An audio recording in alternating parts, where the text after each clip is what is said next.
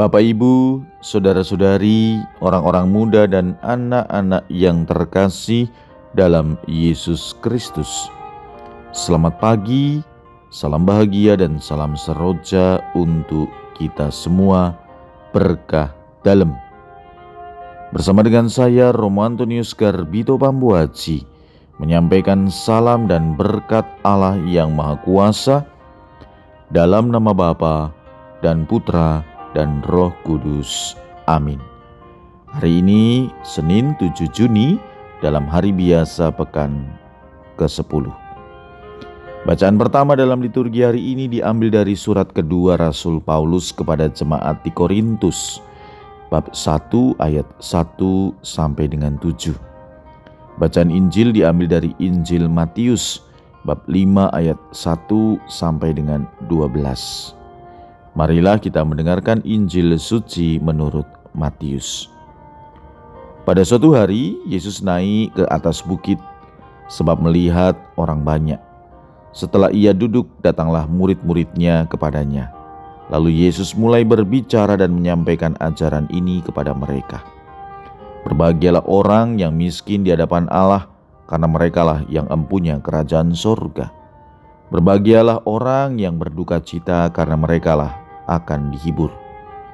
Berbahagialah orang yang lemah lembut karena mereka akan memiliki bumi. Berbahagialah orang yang lapar dan haus akan kebenaran karena mereka akan dipuaskan.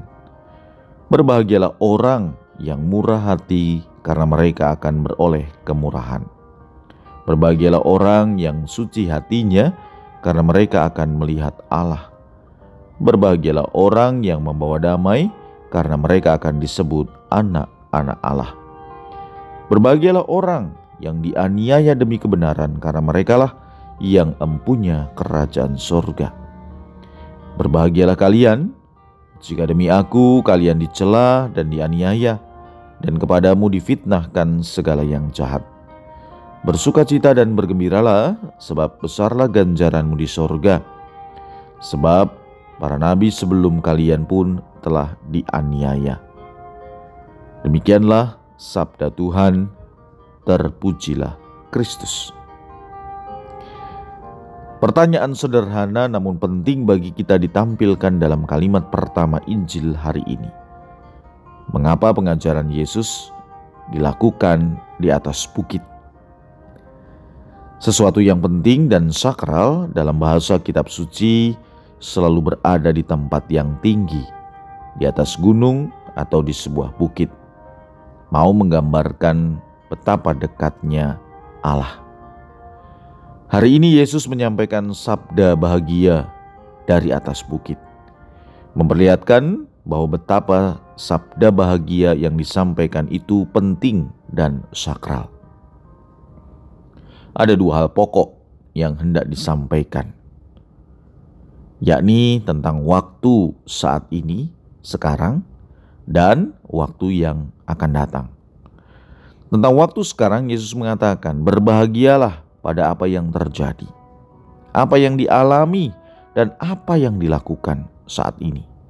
Karena pada masa mendatang atau sesudahnya kita akan memperoleh buah-buah kebaikan dan penebusan dari perbuatan dan kesetiaan kita saat ini. Kuncinya kita melakukan dengan bahagia setiap perbuatan dan juga bahagia dengan setiap peristiwa yang dialami.